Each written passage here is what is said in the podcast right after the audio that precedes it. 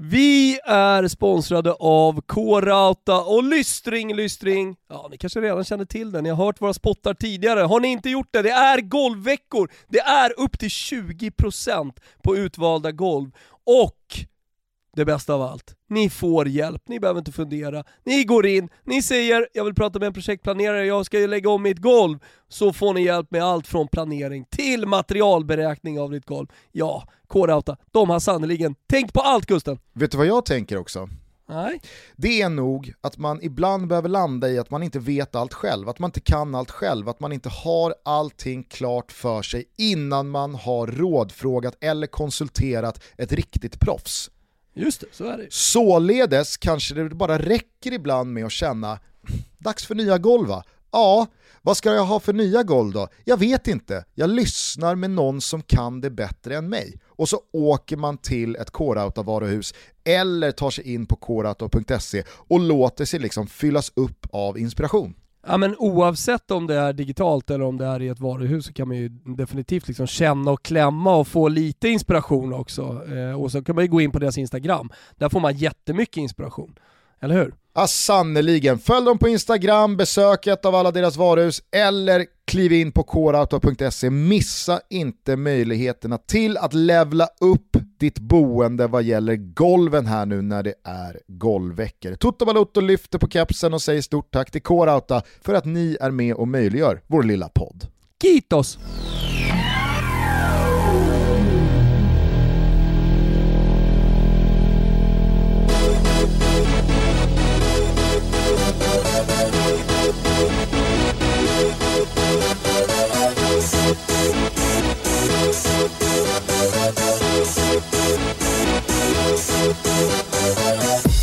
Kitos!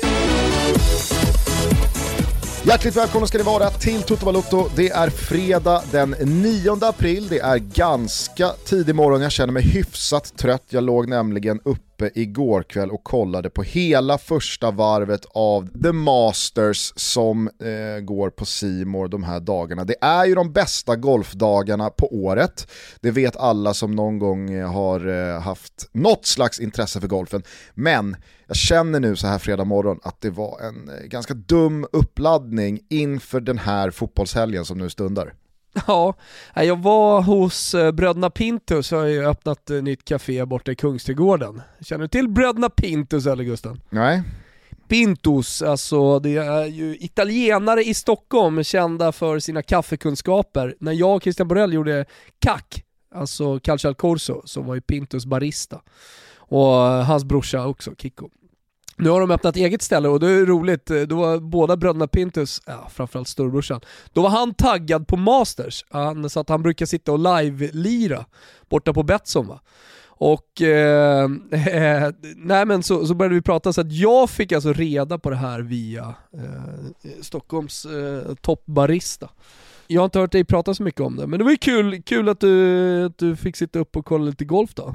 Absolut, men som sagt, nu är man ganska mör när man nu ska gå in i en rejäl jävla fotbollshelg. Jag vill eh, till att börja med säga att i och med att det är El Clasico imorgon lördag så är det dubbelmacka på Simor. Gugge öppnar studion både lördag kväll och söndag kväll. Det är ju en glödhet toppstrid i La Liga, så att eh, lördag kväll El Clasico, Real Madrid mot eh, Barcelona och sen söndag kväll då huvudfokus på Real Betis mot Atletico Madrid med Fiorentina Atalanta som en liten sidosås Oj, också från slakt. Italien. Oj vilken slakt kände jag direkt där.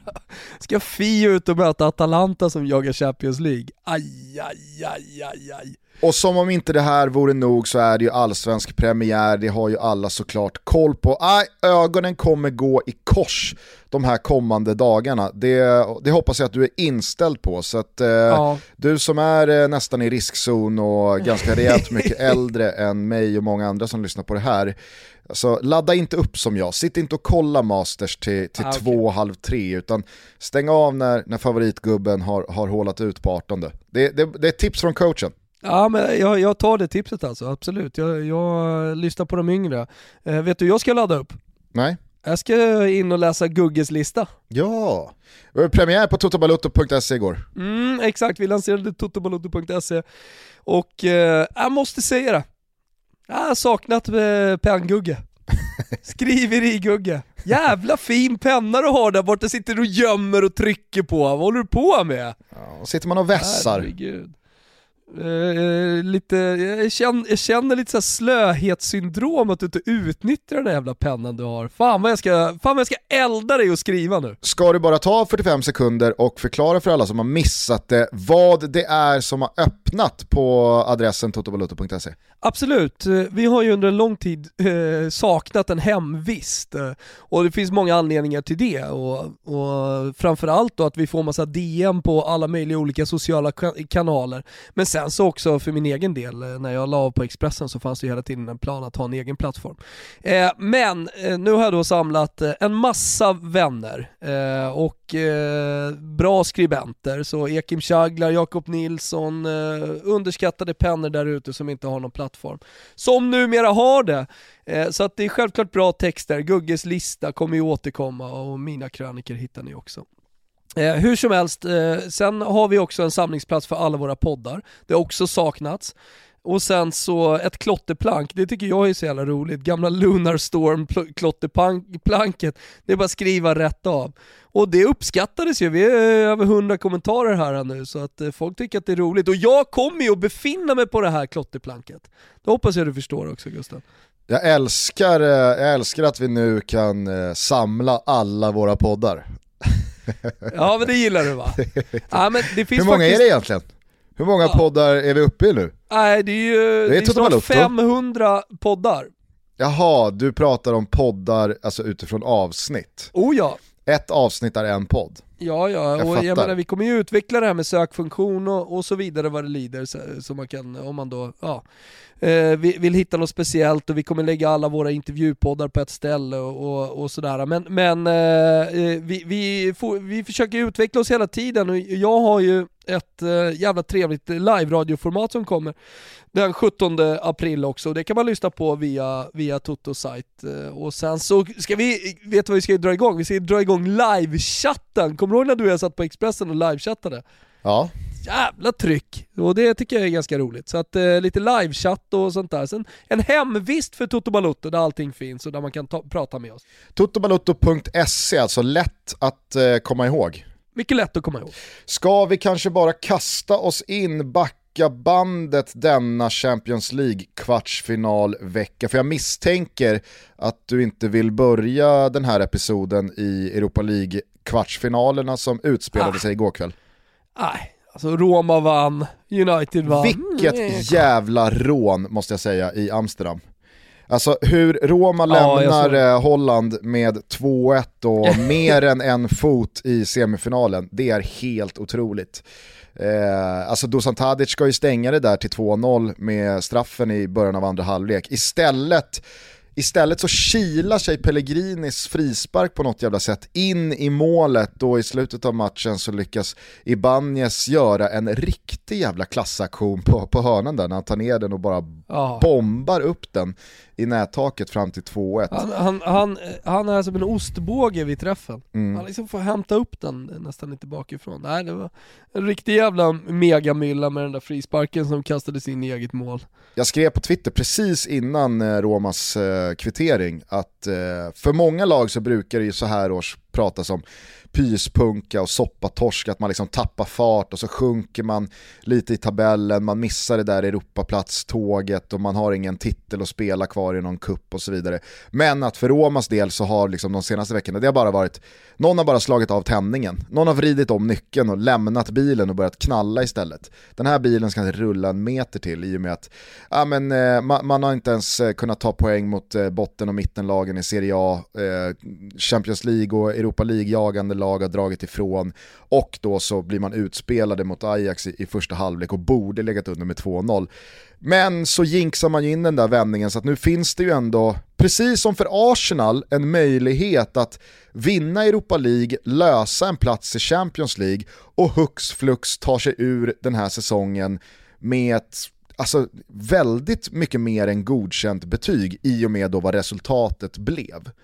Ehm, men för Arsenals del så är det lite som för Roma, det, det är ju för dåligt och det kan inte hålla hela vägen. Men det är det som är så jävla sjukt, att det är för dåligt men de är fortfarande med. Ja. Alltså det, det kan ju fortfarande hålla hela vägen och sen i en final, då är det 90 minuter, där kan ju allting hända så det gäller ju bara att gneta sig dit. Så att, eh, ja, jag tror, jag tror att de klarar det här. eh, Men, men eh, som det ser ut nu, och om det ska se ut så här i en semifinal mot betydligt tuffare motstånd. Ja, då får väl, vet du vad? Det slutar väl så helt enkelt. Båda lagen går vidare och så får de varandra i, i, i, i semifinalen. Ja, och så ska liksom något lag spela final. Ja, exakt. I och för sig så är väl det där trädet redan klart, man borde väl ha koll på det. Men, jag är ärlig denna regniga fredagmorgon. Jag har inte liksom Europa Leagues slutspelsträd klart för mig i huvudet utan att tjuvkika, så att eh, jag vet faktiskt inte. Eh, Villarreals eh, seger, eh, den, den var ju vad den var, den var både väntad och ganska meningslös. Eh, Likaså United, den stora behållningen från Granada, det var väl den eh, nakna streaken. Fan man har saknat en naken streakare. Ja, eh, och det var ju med besked han kom in också. Det var Jesus, eh, liksom. håret stod åt alla håll, alltså, det såg ut som en riktig dåre. Nu, nu på slutet så har det ju varit så här proffs, senaste, säg 5-10 åren, så har det ju varit så här proffsstreakare som eh, Barcelona-gubben som alltid har ett budskap, ett eh, katalanskt budskap som man ska, ska, springer in med, för visst är det så? Ja men exakt, alltså det har väl rört sig mer och mer åt Greenpeace-hållet. Alltså streakarna har inte liksom, det har inte handlat om att bara få feeling och, och dra helikoptern på mittplan. Utan det har ju kommit med ett budskap. Det har väl varit eh, eh, väldigt, eh, väldigt mycket eh, kring mänskliga rättigheter och eh, Ja, så hon tjejen med hinkarna har ju haft ett instagramkonto som har flugit i höjden och lite sådana här grejer. Jo men var inte det att, alltså, att man ville uppmärksamma inskränkta mänskliga rättigheter i typ så? Ryssland och, ja men Ja. Jag, jag tror att det var, vad fan hette de här, Pussy, eh, Riot. Pussy Riot? Var det Mm. inte, alltså jag har fan sett ett par stora streaks på eh, sportevent som är liksom förgrenade från Pussy Riots. Okej, den gubben igår, han var inte Pussy Riots, det kan jag säga. Han kom ju rätt från La Rambla. Men, Han har ju snott, det- han har ju, han har ju eh, ficktjuvat eh, en eh, iPhone 8 från någon tysk och sen så rätt in på Camp Nou. Var kanske det, skulle fira triumf, triumfen. var det bara jag som också satt och tänkte, alltså okej att man lyckas få av sig alla palter och liksom ta sig in på planen i normala tider med fullsatta läktare och det finns liksom 30 000 personer att hålla koll på för ordningsvakterna.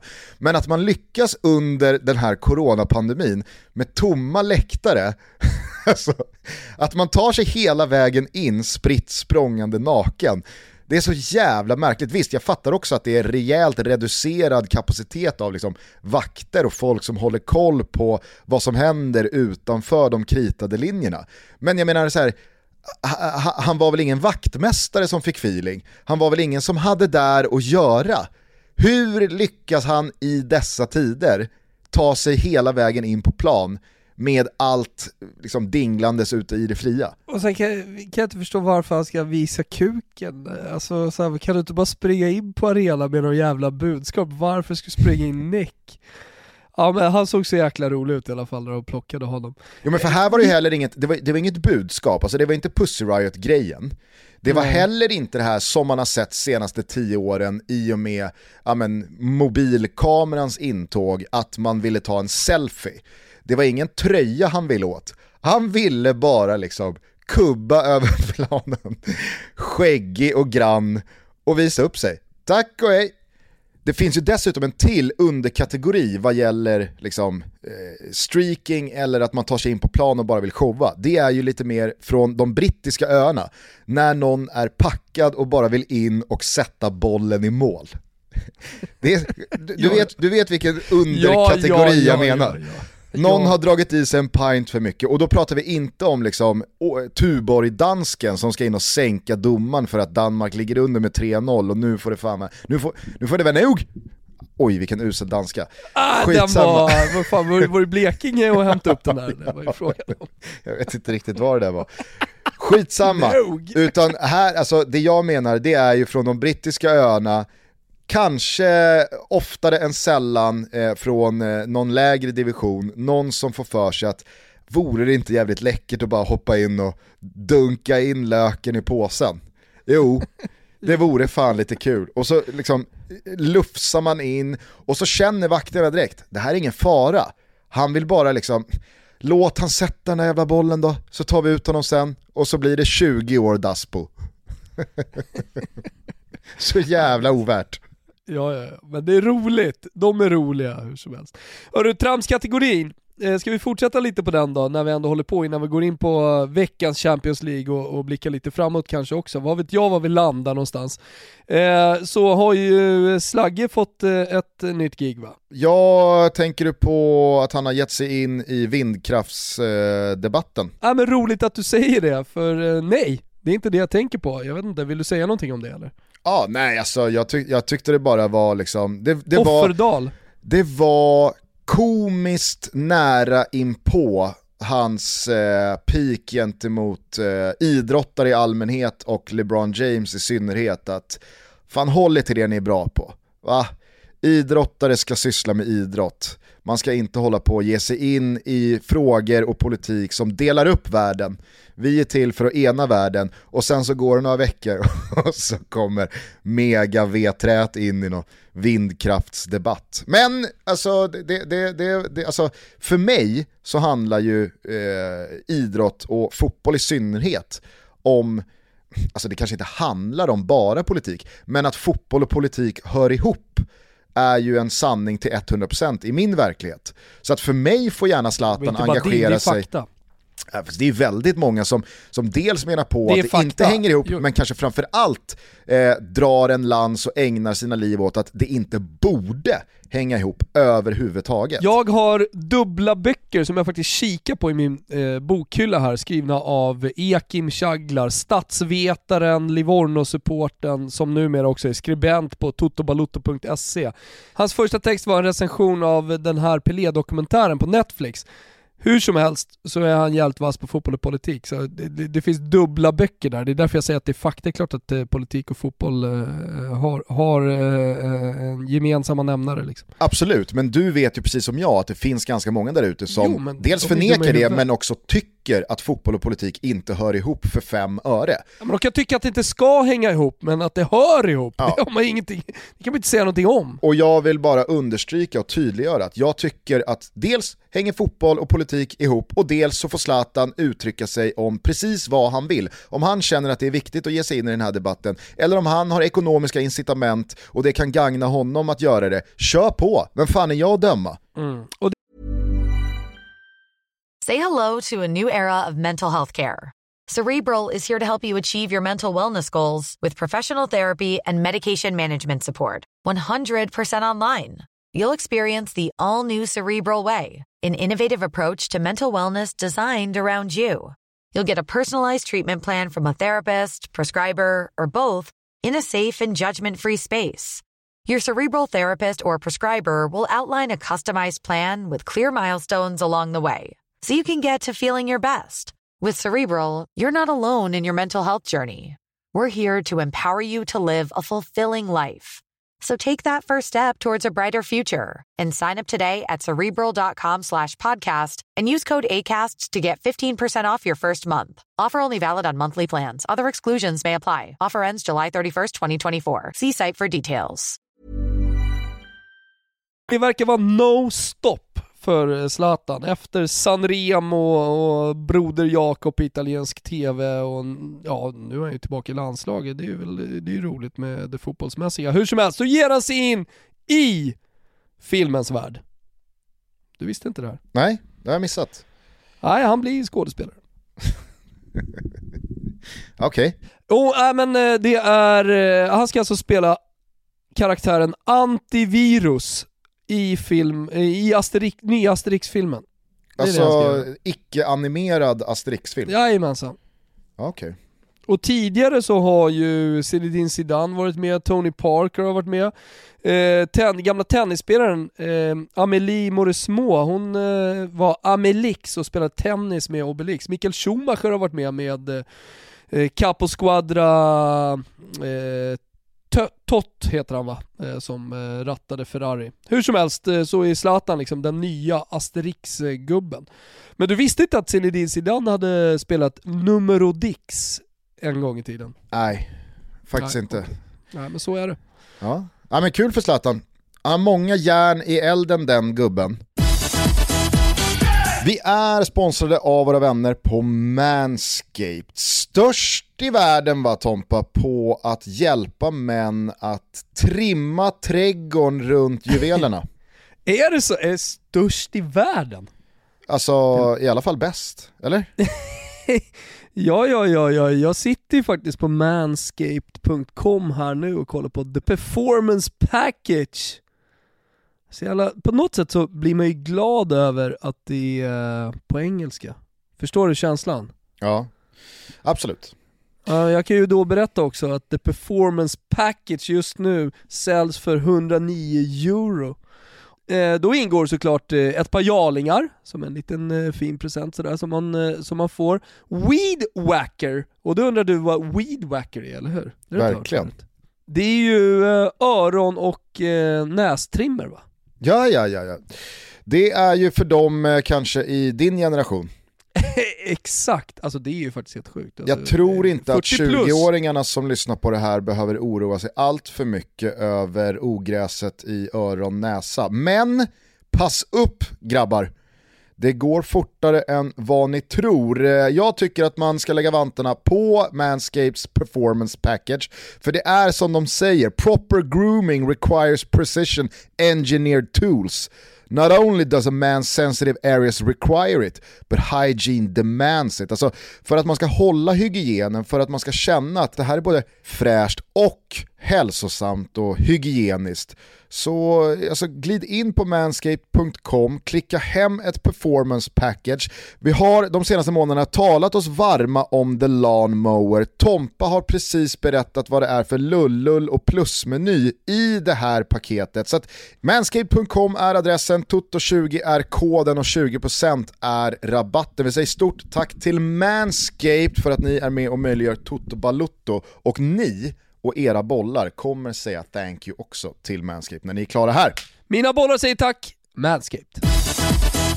Eh, ska vi stänga Europa League och tramset då och ta oss tillbaka tre dygn i tiden till eh, Champions League-tisdagen? För jag tycker att vi kan ta det här i kronologisk ordning. Vilken jävla kvartsfinalrunda det har varit hittills. Eh, om vi börjar i eh, Madrid på Alfredo Di Stefano stadion som, alltså så här, jag dissar inte den arenan, men jag dissar den arenan utifrån ett Champions League kvartsfinalsammanhang. Jag känner samma sak inför imorgon när det är El Clasico. Alltså, det, det, det är inte roligt med tomma läktare, självklart inte. Men San Siro är fortfarande San Siro. Eh, Camp Nou är fortfarande Camp Nou och Olympico är fortfarande Olympico.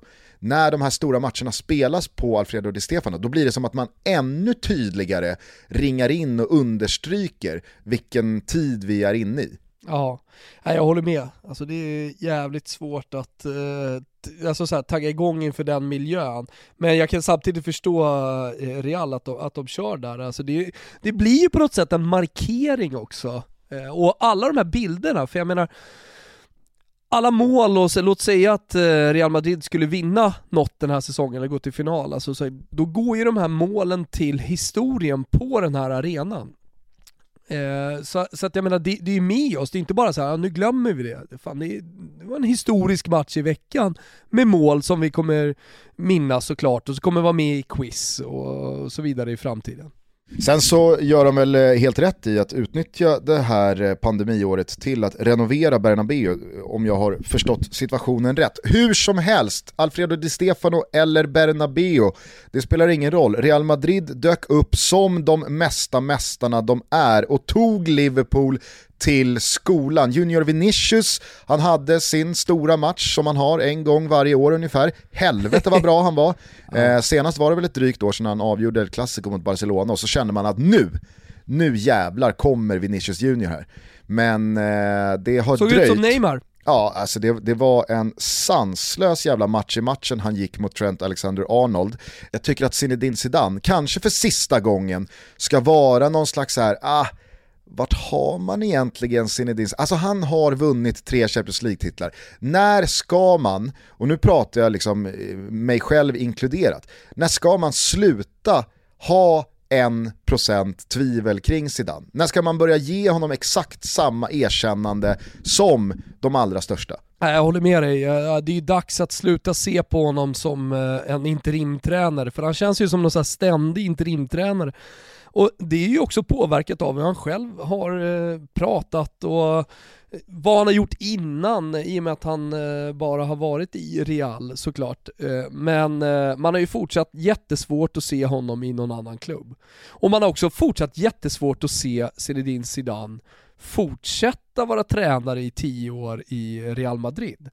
I och med att han ständigt återkommer till att, eh, ja men när det går lite dåligt att, att ja men nu kanske det är någon annan eh, som vill ta över. Alltså han känns ju inte som, som den varken personen eh, eller tränartypen som ser på sig själv eh, som en Alex Ferguson-tränare. Alltså han, eh, han har hela tiden ett år i siktet, en säsong i siktet, han tar varje match i taget. Eh, och det, det, är väl, det är väl det som gör att Alltså det, det, det är han som har skapat den här bilden av eh, Zinedine Zidane som någon slags evig interimtränare i Real Madrid. Ja, jag, jag, eh, jag kände bara efter i tisdags kväll att nu, nu har jag för sista gången sett på Zinedine Zidane med en endaste procent liksom, tveksamhet kring huruvida han är en av världens bästa tränare eller inte. Ja, men jag tror inte att jag har gjort det. Alltså, jag, jag har nog sett honom som en av de bästa under tiden. Däremot så har jag haft jävligt svårt att få grepp om honom i och med att han lever sitt eget lilla liv på tränarhimlen. Han, han, han agerar inte som någon annan, eh, han verkar inte ha några väldigt tydliga så mål med sin tränarkarriär heller. Och eh, ja, men då, då, då blir det en känsla Eh, Eh, som att han ska, hela tiden ska ta Real Madrids säsong i mål och sen så får man se om han överhuvudtaget ska träna vidare. Och hela, hela den auran som blir av Zinedine Zidane som tränare då är ju något, men präglas ju av ett storkukslugn. Just det här att, han, eh, att man inte vet var hans tränarkarriär ska ta vägen, men så sitter han där på bänken och så tar han de här stora segrarna. Känner man, alltså man, man är underkastad Zinedine Zidane, han är svår att kritisera också. Men är, det inte, är det inte också lite att han är i Real Madrid? Eh, det, det, finns väl några personer som menar på att eh, det, det, finns ett halvt steg uppåt någonstans, att någon klubb är större. Men i mitt tycke, och för väldigt många andra mm. runt om i den här världen, så är han ju, han är ju högst upp i näringskedjan. Så man känner ju inte heller att så här, ja, vart ska Zidane gå från Real Madrid och det ska kännas liksom spännande. Nej. Han kan ju typ bara ta ett steg neråt från Real Madrid. Ja men exakt. Men håll med om att man, man, man inte riktigt ser Zinedine Zidane träna om tio år. Du ser honom snarare som sportchef, president, eh, alltså en annan typ av roll inom fotbollen. Ja, kanske. Jag, jag, jag, kan i alla fall ge dig att det är en väldigt grumlig spåkula och det har han ju liksom så här, han har ju, han har ju visat redan sin nyckfullhet efter att han klev av hux flux efter tre raka Champions League-titlar. Tack för mig, ja vad ska du göra nu då? Jag vet inte. så, okej. Okay. Och sen så sitter han, sitter han still ett år innan han går tillbaks till Real Madrid. Alltså han, han har ju varit så jävla svår att läsa. Ja, nej, men han har varit så svår att förstå sig menar. på det, det, det, det, det, det är han som har skapat hela den här bilden av honom. Eh, som gör honom också väldigt svår att kritisera som jag sa innan här. Har du sett några kröniker eller liksom stor kritik på sociala medier mot eh, Zinedine Zidane och hans tränarskap. Det är klart det har kommit, kommit någonting, eh, liksom efter matcher sådär eh, som Real Madrid har, har spelat, för det, det ska gudarna veta, det, det har ju varit en del kalla matcher i La Liga under hans ledning. Men, men eh, just det här som alltid kommer om hans framtid, alltså det som finns kring Klopp lite grann nu också. Alltså, kanske inte så mycket från Liverpool-supporterna som alltid står bakom honom, men eh, alltså, det, det, omvärlden fotbollsvärlden eh, har börjat eh, liksom se lite skeptiskt på hans framtid i Liverpool och börjat i alla fall se ett slut. Och, menar, vi pratade om Steven Gerrard här alltså, som en, som en tydlig ersättare men att det såklart ska komma, eller det eventuella skiftet ska komma om många år. Men, men, in, men, men den typen av spekulationer eller eh, kritik har man ju inte sett överhuvudtaget vad det gäller Zidane. Nej, det skulle väl vara i höstas då, för att backar man bandet ett år så lyckades han ju hålla liksom, kritiken för det tidiga uttåget ur Champions League mot Manchester City i schack genom en jävla stark ligasäsong och Real Madrid skulle återigen vinna ligan och ta tillbaka den där titeln. Och det lyckades man ju med och blev ju i och med coronauppehållet liksom ligamästare så sent som i, i juli. Eh, men sen så gick det där ju in i nästa säsong Dels att man inte var med när eh, Champions League-slutspelsbubblan samlades i Portugal, man inledde ganska svagt i ligaspelet, man inledde ju katastrofalt med kanske den sämsta insats Real Madrid har gjort hemma mot Shakhtar där i Champions League-spelet. Så det var ju några dagar där någon vecka i höstas inför El Clasico och inför en typ kniven mot strupen-match mot Gladbach som Zidane återigen hade lite jobbet som insats. Men sen så stod han ju för en monsterprestation i El Clasico på Camp Nou, vinner den matchen och löser Champions League-gruppspelet och sen dess så har ju liksom mig veteligen ingen velat ha Zidane ut genom dörren även fast Atletico Madrid under vintern sprang ifrån och skaffade sig mer än 10 poängs försprång. I och med att man var kvar i Champions League och ja, men jag tror att många nog ändå kände att alltså, nu är inte rätt läge att göra sig av med Zidane ändå.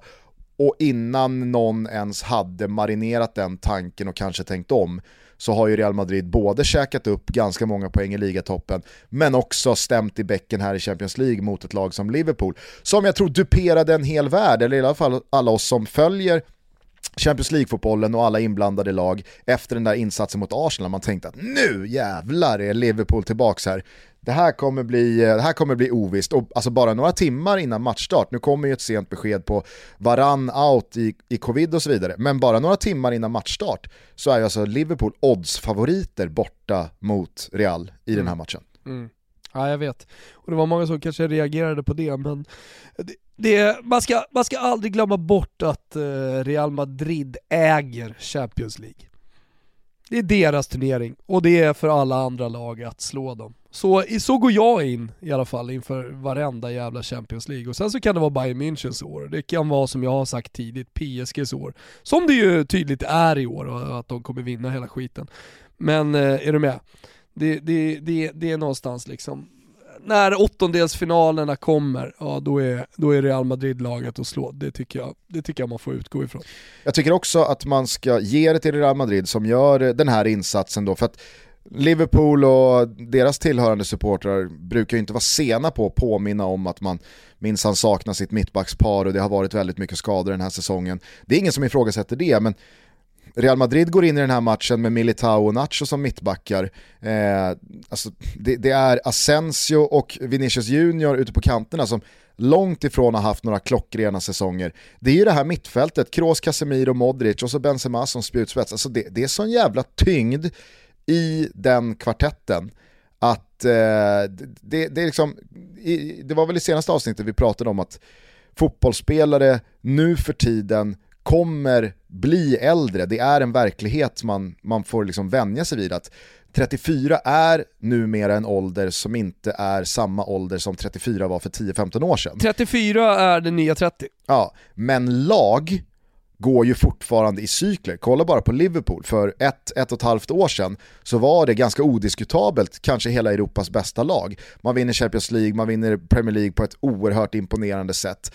Eh, man var i två raka Champions League-finaler och så vidare. Men det här är ju ett lag, det här är ju en generation som visst skador emot, men det känns lite som att äh, de hade sin tid på toppen, de har pikat men nu behöver nog Klopp och klubben i stort bygga om lite, släppa några spelare för att få nytt liv och nytt blod eh, och ta sig tillbaka till toppen. Och det här går ju igen i lag som Barca, PSG, Juventus, City, Bayern München och så vidare och så vidare. Men det här jävla Real Madrid-laget, de är så sega alltså. Ja, nej, de är sega, men vet du vad de är framförallt? De är tunga. De är så in i helvete tunga. De känns oslagbara. Ja det gör de faktiskt. Eh, och nu eh, går det väl att argumentera för att den här matchen givetvis lever. Jag såg ju Liverpool för två år sedan vända 3-0 till avancemang hemma på Anfield mot Barca. I och för sig påhejad av ett fullspikat Anfield, men ändå. Det är väl klart att eh, får Liverpool in eh, 1-0 där så är det ju supermatch. Då, då, då är det ju bara ett mål ifrån avancemang. Så jag vill absolut inte stänga matchen, men jag tror nog att alla Liverpool-supportrar och alla vi som hade trott att shit, nu är Liverpool nog tillbaks här för en stark säsongsavslutning. De fick sig en rejäl törn samtidigt som man återigen blev påmind om inte bara Real Madrids tyngd och storhet utan också deras klass och nivå. Eh, och här finns det ju liksom spelare att addera när de kommer tillbaka, Ramos, Varan och så vidare, eh, som, som, som bara kommer förbättra det här laget. Så att, äh, mäkta imponerad av Real Madrid som jag tycker vinner den där matchen rättvist. Jag var också jävligt imponerad av Dortmund måste jag säga, borta mot City. Ja det var jag också.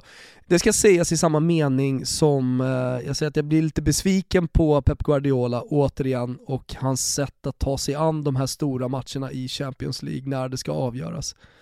Alltså jag är imponerad av Dortmund, deras sätt att stå, på, stå i planen, att hela tiden vara farliga när man ställer om, det finns en tanke, jag älskar den typen av taktik. Men eh, de leder med 1-0 City och sen börjar man trilla boll. Alltså, I något läge måste man också känna att man kan döda matcher. Alltså att det, det, det, finns rakare väg att nå mål än att bara liksom vända, runt, vända runt spelet hela tiden. För att är det, är, är det något lag man ska vara försiktiga med och leda med 1-0 i en eh, Champions League-kvart så är det väl Dortmund med världens bästa kontringsspelare, för det är han väl, eh, Haaland, alltså med den kraften han har i djupled. Och, och, och att då tillåta Dortmund med, med 20 minuter kvar att kunna ligga på rulle, det, det är för mig jävligt svårt att förstå. Alltså, Mbappé, man... Mbappé är okej okay som kontringsspelare också. Han är helt okej okay som kontringsspelare också. Eh, men uppenbarligen så är ju eh, Haaland också en jävligt fin länkspelare va? Nej men jag eh, förstår vad du menar, jag, jag, tycker exakt likadant. Och blev inte den här kvartsfinalrundan det yttersta beviset på hur Ryan Reynolds here from Mint Mobile. With the price of just about everything going up during inflation, we thought we'd bring our prices down. So to help us, we brought in a reverse auctioneer, which is apparently a thing. Mint Mobile unlimited premium wireless. Ready to get 30, 30, bit to get 30, bit to get 20, 20, 20, bit to get 20, 20, bit to get 15, 15, 15, 15 just 15 bucks a month. So, Give it a try at mintmobile.com/switch. slash $45 up front for 3 months plus taxes and fees. Promo for new customers for limited time. Unlimited more than 40 gigabytes per month slows. Full terms at mintmobile.com. Jävla ovärderligt det är och kanske faktiskt ganska underskattat fortfarande hur viktigt det är att ha den där anfallaren, ha den där målskytten som också är en klassavslutare, som inte behöver sex lägen för att göra ett mål. Och då tänker jag dels på Manchester City som skapar oerhört många chanser att stänga den här matchen till 2-0, gå ifrån till 3-0 och så vidare. Men så länge man har Phil Foden, Bernardo Silva, Ilkay Gündogan och Riyad Mahrez som spelarna som ska förvalta chanserna, ja då kommer man behöva skapa 6, 7, 8 lägen för att göra det där målet. Med en Kun Agüero som är skadefri så kanske du behöver två lägen för att göra det där målet. Och i Bayern Münchens fall så radar man väl upp, är man, är man uppe i 30 avslut? ja, jag tror att det var 30 avslut faktiskt. Ja men exakt, exakt. och, och Choupo-Moting gör mål så det är väl svårt att hänga Choupo-Moting men det kunde väl alla som såg den där matchen fattat med Lewandowski på plan här då vinner ju Bayern München med, äh, okej okay, de kanske inte vinner med två mål, men Bayern München gör ju två mål till. Mm. Ja men det gör de. Och det, det, det, det blev bara så jävla tydligt den här rundan att Alltså de som besitter de här, det, det, det, är inte, det är inte konstigt att det pratas om en och en halv, två miljarder kring Håland och att de absolut främsta avslutarna kostar vad de kostar, tjänar vad de tjänar. För det är så jävla viktigt att när du väl skapar de här chanserna, två stycken, att du får med dig ett mål. Alltså City har ju bara tur som vinner den här matchen. Nej, de har alltså 31 målchanser, 12 skott på mål, 15-1 i hörner. Mm. Och PSG vinner med 3-2. Men det är också, det, det, finns en fara och det finns en risk med att eh, spela med så hög press som Bayern München gör, och dåligt i vissa fall. För att när man möter ett lag som PSG, då får du inte gå bort det i första pressen. Alltså hittar du igenom med, med en eh, liten vinklad pass genom eh, pressen, alltså då är det målchans. Om du har de spelarna som, eh, som PSG har. Och, Alltså för de kan spela på en verkligen. touch, de kan vända upp fort, de kan hitta ut. Det är så, vägen till mål för PSG Ja. är så kort. Och Ja. det går så snabbt. Och de har ju verkligen de perfekta spelarna, så de har så brytningssäkra bollvinnare centralt, både i backlinjen och på mittfältet, som snabbt bara direkt hittar bollen till kanske världens bästa spelfördelare i Neymar. Och visst, Neymar med bollen, alltså, om Neymar hade haft Choupo-Moting att jobba med, som han haft, alltså, då är det ju något annat. Men när han har Mbappé att jobba med, då kommer Mbappé hamna i de där lägena. Gång efter annan och då ringer det till slut. Så att, eh, alltså jag håller verkligen med dig. PSG sitter ju på tre stycken beståndsdelar i att straffa lag på fyra sekunder. Absolut, men det ska ju också sägas att eh, Marquinhos kliver av eh, tidigt i den här matchen och att Verratti saknas. På tal om den defensiva styrkan, så är jag det största fanet av Kim Pembe som är, alltså, han är, han är, han är enorm i den här matchen. Men eh, eh, det är ju inte jättenamnstarkt det centrala mittfältet defensivt. Sen gör de det otroligt bra, men ändå. Det är ju framåt de är vassa. Jag tycker Draxler är jättefin i den här matchen. Ja, Neymar är ju brutal och så Mbappé då. Eh, det, det är ändå ganska offensivt de ställer upp eh, om, man, om man tänker på hur matchbilden såg ut. Hur ska Ja. de klara med det här laget att stå lågt och lida mot Bayern München? Bara med Draxler, Neymar, Di Maria och Mbappé. Men vänta, saknas det inte lite defensiv tyngd i det här laget? Ändå står de emot så bra. Frågan är om det inte kommer se lite annorlunda ut i eh, returen. Alltså måste man ha så många fötter och så mycket speed framåt? Måste man verkligen ha det? Samtidigt, alltså du har ju själv varit inne på det, resultatet ljuger ju lite. Jag vet inte om man stod emot så jävla bra. En normal sig. utdelning här för Bayern München ska ju vara en eller två påsar till. Och, och, men, men samtidigt så hör jag vad du säger, jag, jag tycker att det, det är helt otroligt att PSG avslutar den här matchen med en backlinje som består av Backer, Kimpembe, Danilo som får flytta ner i Just det. Marquinhos eh, frånvaro när han går ut, eh, och Dagba ute till höger. Alltså, det, det, det är ju en, det är ju en eh, backlinje som, alltså den hade kunnat finnas i eh, Saint-Étienne. Men ja, jag ville bara understryka det med ineffektiviteten i vissa lags eh, offensiva spjutspetsar och att det blev väldigt kostsamt den här rundan. City vinner den här matchen till slut och, och det är väl inte orättvist i sig. Å andra sidan så var det ju ett par domslut i den här matchen som väldigt många uppmärksammat. Från den rumänske domaren och hans kollegor. Hatigan heter domaren, det är många som har sett den här situationen när Jude Bellingham stormar fram mot eh, Ederson som håller på att kladda med bollen, vinner den korrekt enligt 99,9% av alla tyckare och rullar in bollen i öppet mål. Men i och med att Hatigan har blåst för frispark så får inte VAR kliva in och liksom rätta honom och säga att nej men det här ska vara mål. För att då har Hatigan med sin signal stängt den möjligheten. kan man ju tycka vad man vill om. Alltså om, om det är ett sånt clear cut case, så uppenbart, ingen kan argumentera för att oh, men det, hade, det hade kunnat sluta med inte mål. Nej, det hade det inte. Bellingham är fri mot ett öppet mål, han har ingen spelare runt omkring sig från åtta meter. Det är klart att det blir mål här. Alltså så här, var ska vi kunna gå in och säga så här, nej men det där målet ska stå, det måste kunna stå. För det är ett sånt viktigt mål. Det är ett 1-1 mål på bortaplan i en Champions League-kvartsfinal. Alltså det, det vet, ja, skitsamma, jag orkar inte sitta och, jag orkar inte sitta Nej, och, och, och, alltså- och prata VAR igen. Och det, känns, eh, det känns som att jag har, runnit lite vatten under broarna. Vi kan väl dock bara uppmärksamma det här rumänska domarteamet, för de fick ju ganska mycket kritik efteråt också i och med att assisterande domaren joggade ikapp Haaland i katakomberna efter slutsignal och bad om hans autograf på två kort.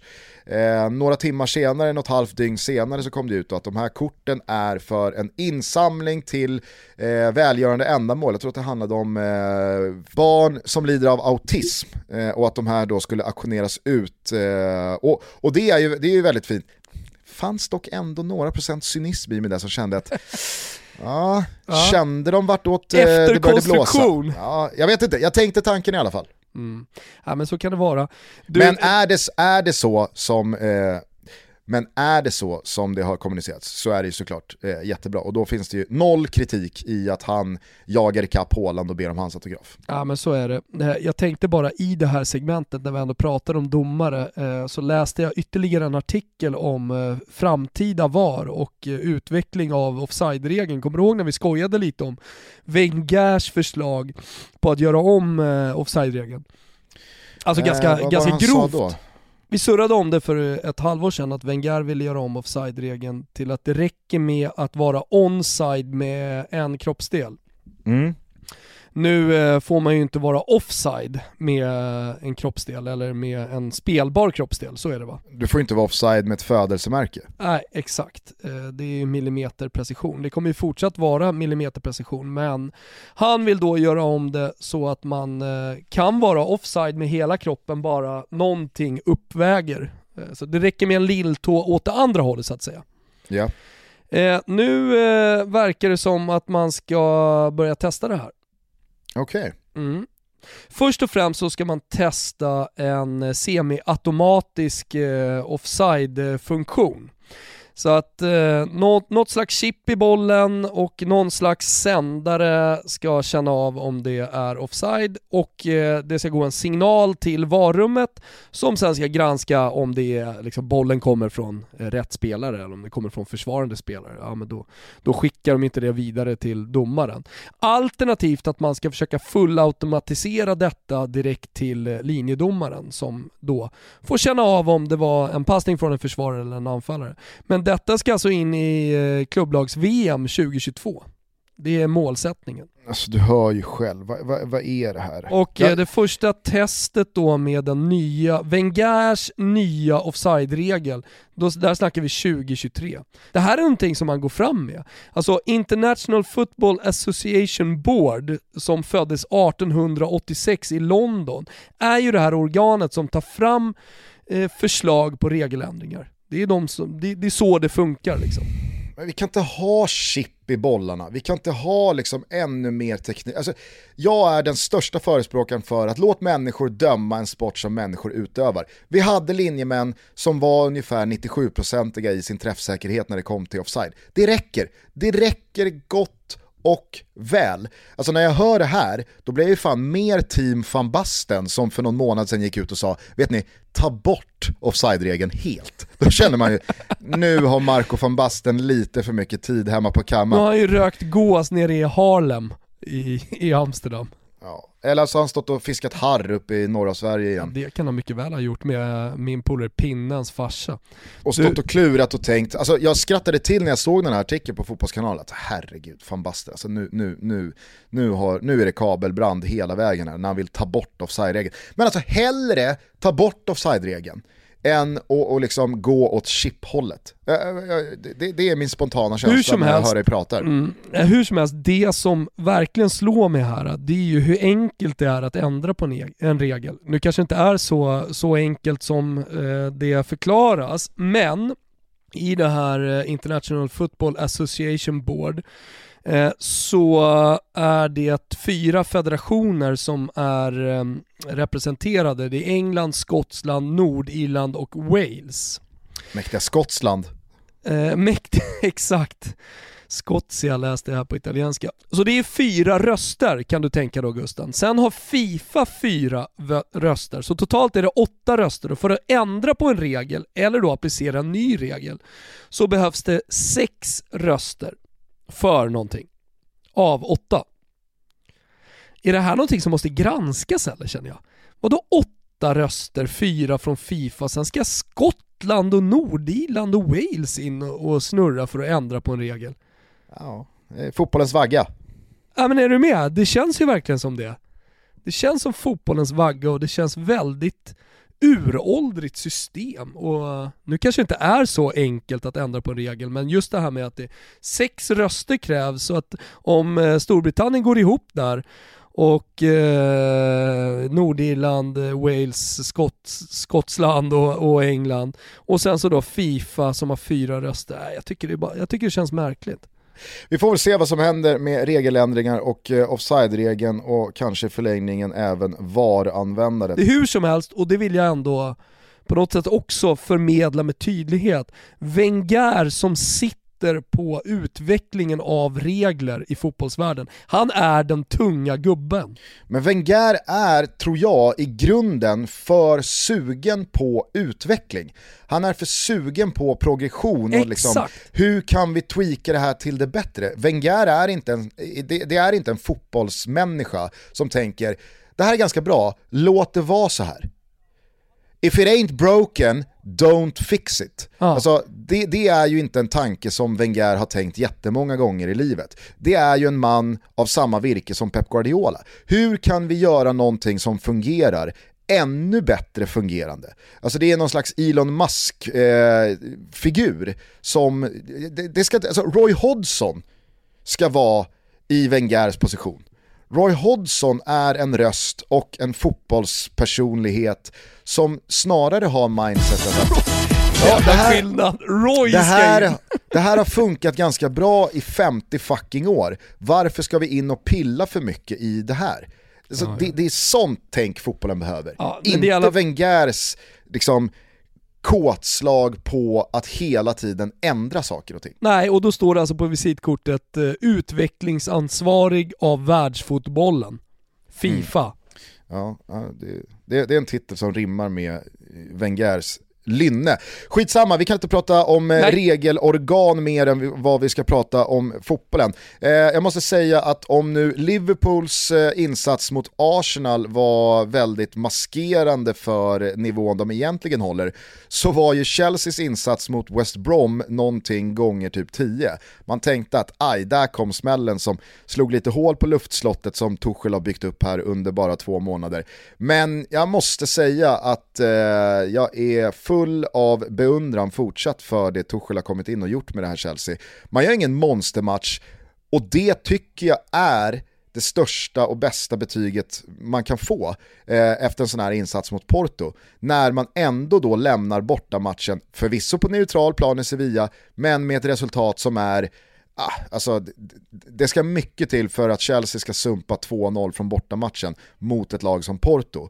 Och jag, jag, jag, jag liksom, kanske är en sån där smäll mot West Brom precis vad ett sånt där lag behöver. Att, nej, men det går inte bara av sig självt, vi kan inte tro att det bara är att ställa ut skorna för att vi har vunnit tio matcher i rad här.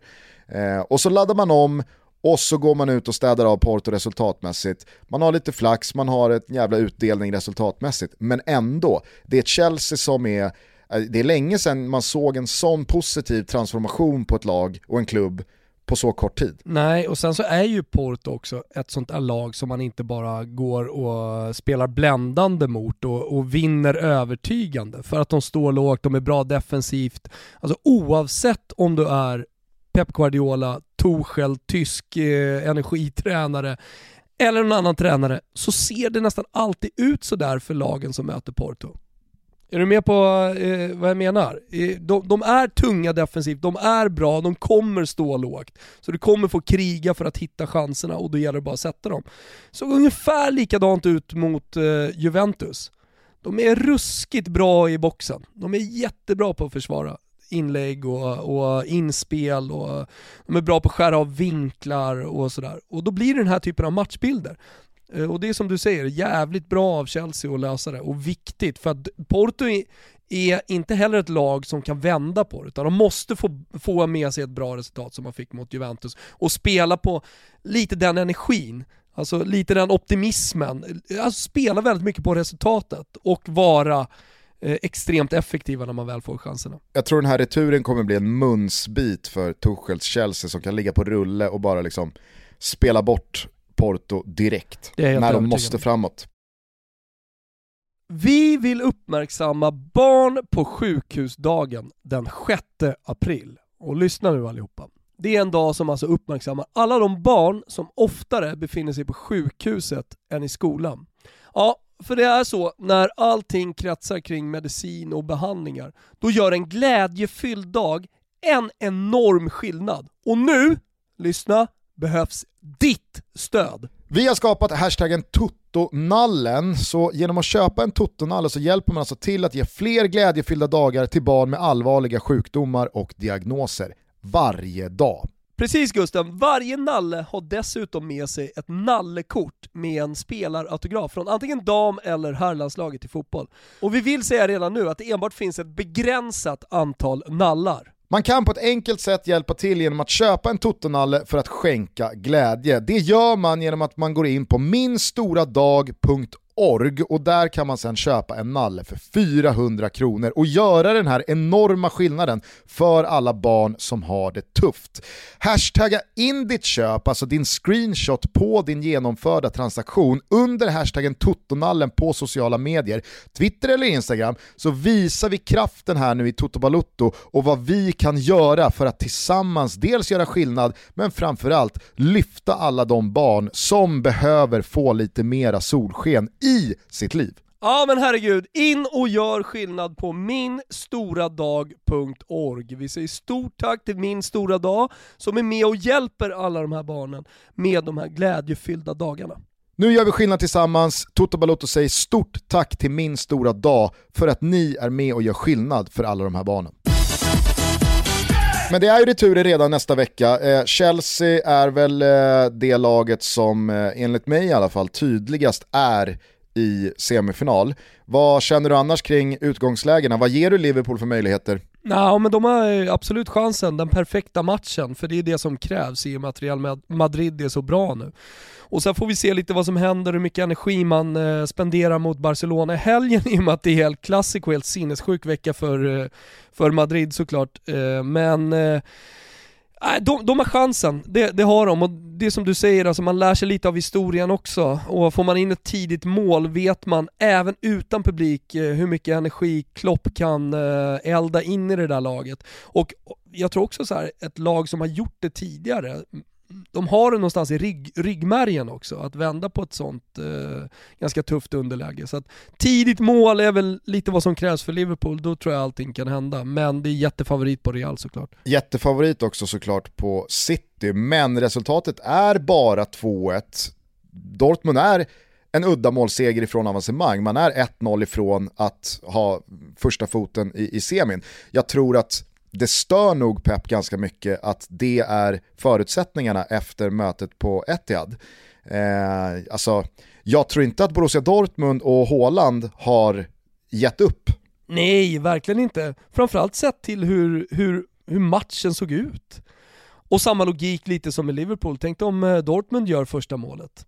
Mm. Då, då, är man plötsligt vidare, då är, det, då är det City som måste jaga och då är det Haaland som kan ligga på rulle. Ja, jag tror att och, det, det kan, kan bli kommer, en ganska kommer, trevlig retur där. Ja, men återigen kanske också lite då så här, vad, vad, vad, finns i ryggmärgen och vad finns på näthinnan hos eh, City-spelarna? Jo, man har åkt ur i Champions League, man har inte riktigt räckt till i Champions League. Alltså om, om, om en vändning nu finns i eh, Liverpools bakhuvud, man minns det. Det finns ett muskelminne lite grann i Liverpool att vända på en sån här match på, på Anfield. Så finns det ju i Manchester Citys eh, muskelminne att vika ner sig. Vi och, kan choka mot vilket lag som helst. Ja men det finns en choke liksom i, i, i City, så kommer det där tidiga målet och det är eh, Dortmund i pole position med 70 minuter kvar att spela. Aj, vad fan händer mentalt då hos City-spelarna? Mm. Och samtidigt Men... då som det kommer massa energi i Dortmund och du vet, ja, Håland, han ska, Håland kommer ju få sina lägen. Alltså det, det, det är ju någonting som är säkert.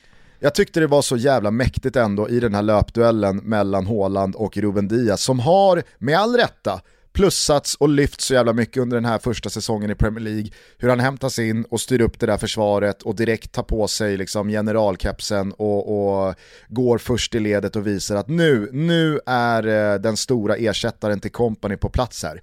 Och så tar han den där duellen mot Håland som bara viftar till honom och han studsar som en jävla liten vante. Det, det, ah, Norsken har ju fått en del skit här i Toto senaste tiden, men eh, när Håland gör sådär, då smälter till och med vi. Du älskar Håland Gusten, jag, jag, jag kan ditt surr på WhatsApp hörru. Så är det. Eh, men returernas retur nästa vecka blir ju såklart den mellan PSG och Bayern München. Hur hårt tror du the body, Robert Lewandowski, svettas i rehabrummet just nu? Han har ju inte gett upp. Nej, klart att han inte har gett upp. Vad vet vi om skadan egentligen? Det vi vet är att när han kom tillbaka till Tyskland efter landslagsuppehållet eh, så sades det en månad. Alltså, ja men, confirm på att han missar båda de här matcherna. Jag tror att hade Bayern München fått med sig 3-1 från den här första matchen, eller kanske rent av en seger bara, då hade vi nog inte sett Lewandowski i, i truppen. Men nu, givet det här utgångsläget, Alltså jag tror att, eh, jag tror att eh, Hansi Flick och Rummenigge och grabbarna är ganska sugna. De är sugna på att bränna Lewandowskis EM här. Ja. By, by, by München Lab. Det kan kosta dig liksom slutspurten här, men framförallt EM, men det är det fan värt. Det är, det är läge och chans här. Det, kommer, det, det, kan eventuellt bli så, kommer du ihåg, du var väl för fan på plats eh, i Barcelona 2014 där, ja, ja. med Diego Costa, ja. när han så gärna ville vara med eh, i eh, ligatitelracet och försökte med den där baksidan typ 3-4 gånger, klev av efter en kvart. Ja, men det är sällan i världsfotbollen man ser spelare komma in skadade. Jag spelade ju med eh, Andreas Johansson i FC Samp Eh, en match och han drog baksidan. Första baksidan ska jag säga efter fem minuter. Andra baksidan efter tio minuter spelade ju såklart 90 klev av, lindade de här jävla baksidorna och eh, då hade jag ju sprungit slut. Alltså jag hade kört mina sju minuter och vi körde ju rullande byten va. Det var ju mot Buchner för övrigt, och eh, hans lag. Vi vann. Eh, men eh, så frågar man, jaha, men ska du spela vidare? Ja, ja för fan, det blir ju ingen mer fotboll. Alltså jag, jag, kan tänka mig att det här kanske är min sista match jag spelar överhuvudtaget. Så att, fan, fan jag ska in på planen. Alltså. Ja, ja verkligen. Alltså, eh, Kärnström spelade ju, kom ju ut, blödde över hela armarna och benen. Fick ganska mycket stryk på centralt mittfält, gjorde en eh, två plus match. Alltså det är någonting med Kärna, liksom. han, blir, han gnuggar, han ser precis likadan ut i div division 6 som han gör i Allsvenskan. han liksom blir Teddy Lucic. Ja men precis. Är det division 6 som, är det division 6 nivå ribban ligger på, ja men då lägger sig Kärna också på division 6 nivå. Exakt, exakt. Så var det en Rico som flög istället. Så. Ja. Nej men alltså jag kan verkligen tänka mig att, alltså dels så kan jag tänka mig att är det någon som kan eh, slå klockan här med både en vecka och tio dagar och kanske två veckor så är det Lewandowski. Hans fysik är ju något utöver det normala. Eh, är det någon klubb som eh, har visat sig kunna få sina hästar i ordning till rätt lopp så är det ju Bayern München på senare år det är en jävla transformation jo, vissa kroppar går igenom där. En skada en skada, en muskel är en muskel, vetenskap är vetenskap Gusten. Alltså, när Falcao skulle komma tillbaka på två månader från en svår knäskada så fattade man ju till och med att eh, colombianska häxdoktorer och eh, vad nu de har i sin medicin inte skulle kunna lösa det, för ett knä är ett knä. Visst, men alltså... Men jag köper att han gör en Diego Costa, det kan jag Colombianska köpa. häxdoktorer har ju ingenting på Lewandowskis 32 år långa disciplin. Jag vet, så är det. Så det är klart att han kan ha ruskigt bra läkkött, men, ja. eh, men han kommer ju att spela halvskadad. Sen om han är 80% eller 90% eller 30% det jag ingen aning om. Men eh, ja, det ska bli intressant att se hur Bayern München labb jobbar. Du vet vad som var total gåshud från den här matchen? Det var inte Mbappés ruscher, det var inte Neymars länkspel, det var inte Kimmich centrala jävla navlir. Total gåshud från den här matchen. En sak, en aktion. Var det Dr. Millweiser? Jajamensan, och vad är det som, vad var det som fick mig att eh, bara ställa mig upp från soffan och jubla med honom? Han, sätt, han sätter nicken Gusten. Ja. Och på vägen ner så jublar han. Vet Kolla som, den reprisen. Ja, jag, jag, jag har sett det, jag ser, jag ser ja. det framför mig här nu när du säger det. Ja. Men vet du vem som gjorde samma sak faktiskt? Han har fått mycket skit i Toto Balotto genom åren också. Oj, vem kan det vara? Svante Samuelsson gjorde ett sånt mål för Gnaget en gång. Jag tror banne mig att det var i ett derby faktiskt. Han trycker in en nick, jag vet, det är, det, det är inte många gånger Svante Samuelsson det, det, är inte många gånger Svante Samuelsson har vunnit en nickduell. Det här är heller inte någon liksom så här, där han hoppar upp och visar spänst och höjd, utan det är en riktigt så här bufflig, grufflig nickduell. Eh, men där slänger han också upp näven i luften innan han dunsar ner med 1,92 i, i det gyttiga gräset. Så att det, det har jag burit med mig i många år. Men visst, eh, jag tycker också att det har någonting hur han sen firar målet som Thomas Müller firar mål med den här väldigt liksom uppumpade maskulina bröst mot bröstpumpen. Tyska pumpen. Kom och hämta korg här, kom och hämta kaka. Men alla ni som inte har sett det, kolla reprisen när han firar på väg ner från nicken. Nej, total gåshud. Ja, det blir en jävla retur i Paris i alla fall. Det, det glädjer mig också att det inte blev 2-1 till PSG utan att det blev 3-2 till PSG. För att ju fler mål som görs, desto mer skiter ju lagen i hemma kontra bortamål i returen. För det är så många mål ändå. Nu handlar det bara om att vinna matchen. Alltså, ja, det, det, finns liksom ingen sån här avvägning, hmm, ska, nej, alltså Bayern München, Bayern München måste ösa. Och PSG vet att vi gjorde så jävla många mål på den där bortaplan att det spelar ingen roll om Bayern München går upp till en tvåmålsledning, vi är med i matchen ändå. Så att eh, ja, jag ser fram emot den där och jag hoppas, jag, jag, hoppas kunna följa Lewandowskis intensiva nedräkning i Bayern München Lab här kommande dagar. Eller förresten, man får väl se om man har tid med det. Det är så jävla mycket fotboll att kika på i, i helgen så att eh, mm. vi ska väl börja stänga ner butiken och, och, och, ladda. Ja det ska vi absolut göra. Jag skulle bara vilja uppmärksamma en, en liten video som jag såg. Eh, vi kan rulla den lite. Do you ever look at YouTube videos of your best goals that you scored? Yeah, uh, almost every week as I watch. Which, uh, which, ones are your favorites? Uh, I I love to watch all of them, but there is some. There is one that I love most. That is uh, some guy did a video with uh, uh, 256 uh, caño. ¿Cómo se dice caño? Caño, no, caño. When you put the ball. Nutmeg. In English, it's nutmeg. Nutmeg. Yeah. yeah. There's a guy did a video with 256 nutmegs. but you did it. yeah, and I, I, I, like I love to watch that video because it's so funny. I, I, I can't remember that I did so much. now you know the English word, nutmeg. Yeah, no. Don't know why it's called nutmeg. Det är alltså Ronaldo, den riktiga Ronaldo, som berättar att han eh, brukar ligga på kammaren och kolla på YouTube. Och eh, då är det hans egna eh, bravader på fotbollsplanen som han kikar på. Och då är det någon jävla stjärna som har klippt ihop 256 tunnlar som Ronaldo har gjort eh, under, under karriären, som är hans favoritvideo. Men det är någonting med de här gamla legendarerna. De, de har ju varit så stora under vår barndom Gusten, att ja. man knappt kan ta på dem. Men de blir så mänskliga eh, när de åldras. All, alla blir, ja men limpar. Som eh, Thomas Brolin. De, blir, de, har, de har levt i ett omklädningsrum hela livet och det har också den store Ronaldo. Då, de, då ligger han där i sängen och, och kikar uh, YouTube när han har gjort 256 tunnlar. Va? Finns något jävla fint i det. Det finns något fint i det. Det finns något fint i det. Vi ska stänga butiken igen, men du, eh, liten blick mot helgen i form av en Toto-trippel tycker jag vi kan göra.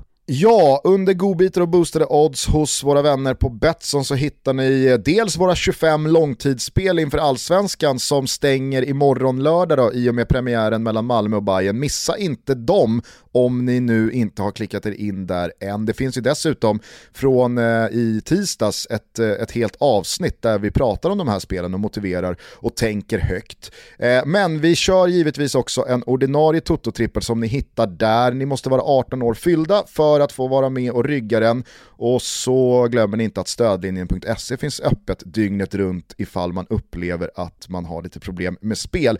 Trippen lyder i alla fall som följer. Vi tror på en öppen premiär i allsvenskan, Malmö mot Bayern.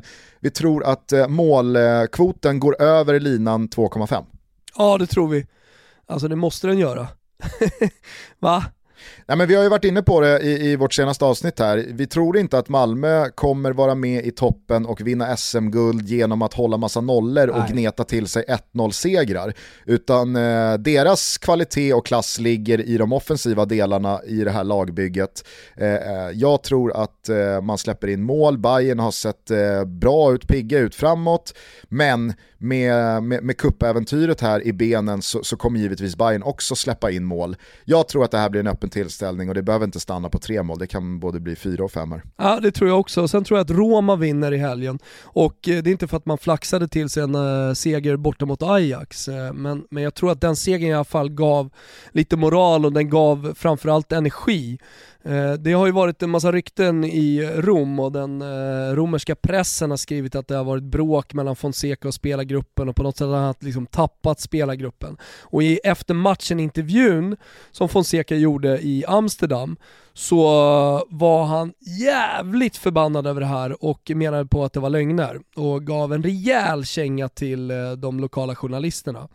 Och jag tror att det här kommer få effekt att laget svetsas samman. Den här segern kommer ge någonting. Man möter Bologna hemma, det finns fortfarande mycket att göra i Serie A för Roma och man står nästan i 1,70 eh, rak just för att man har gått lite sämre på slutet. Jag, jag, jag, har, jag har en ruskig Roma-känsla faktiskt inför, inför den här matchen, så att, eh, eh, den får du bara haka på. Ja, men det gör jag så gärna. Jag, jag skulle inte tacka nej till en övertygande seger som romanista i eh, dessa dagar. Avslutningsvis så tror vi att det blir mål även i El Clasico. Det här är ett spel som vi kanske framförallt grundar på tabellsituationen. Ja. Inget lag har råd att förlora, båda torskar på ett kryss. Exakt, och eh, ni vet ju vid det här laget hur mycket vi älskar den typen av eh, förutsättningar inför matcher och spela på över. Eh, det, det, det, är bra förutsättningar för att det blir mycket mål, eller chansrikt i alla fall, så att är helt klart, över i El Clasico. Det har ju hänt ett par gånger att eh, ett El Clasico har stått och tickat 0-0 ganska mm. länge, just för att poängfördelningen då är väldigt många gånger eh, helt okej okay för båda lagen.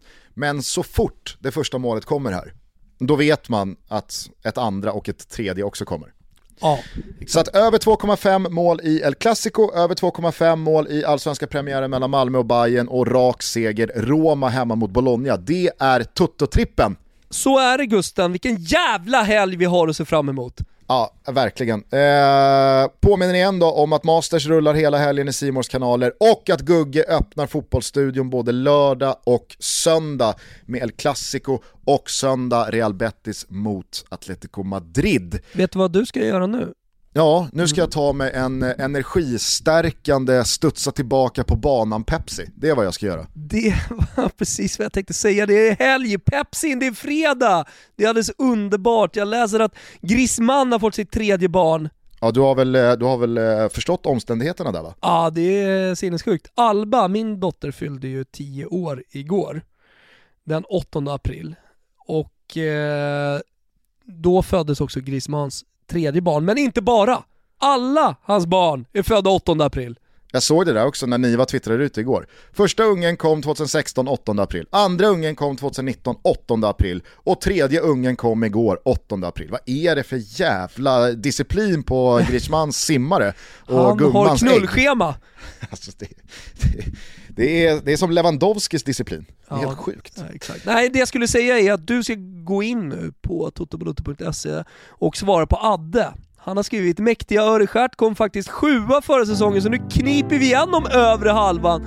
Bara en våt dröm, tack. Man kan ju kommentera här, jag tycker det är väldigt roligt. Det är många som har, 11 personer som har kommenterat på din, eh, din eh, lista här. Så. Jag säger så här, fake news Adde. Örebro kom nia. Örebro kommer alltid nia. Hörru, jag håller på att kissa på mig här faktiskt, eh, så att, jag måste säga ciao tutti, ha en trevlig helg, vi hörs igen på måndag. Vi hörs på måndag, ciao tutti. I don't believe been an interventionist God.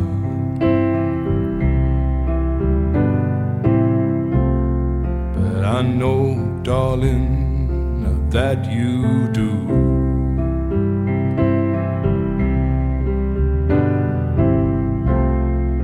If I did, I would kneel down and ask him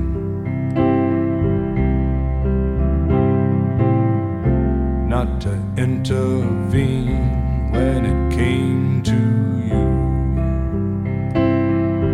Well, not to touch a hair in your head, leave you as you are.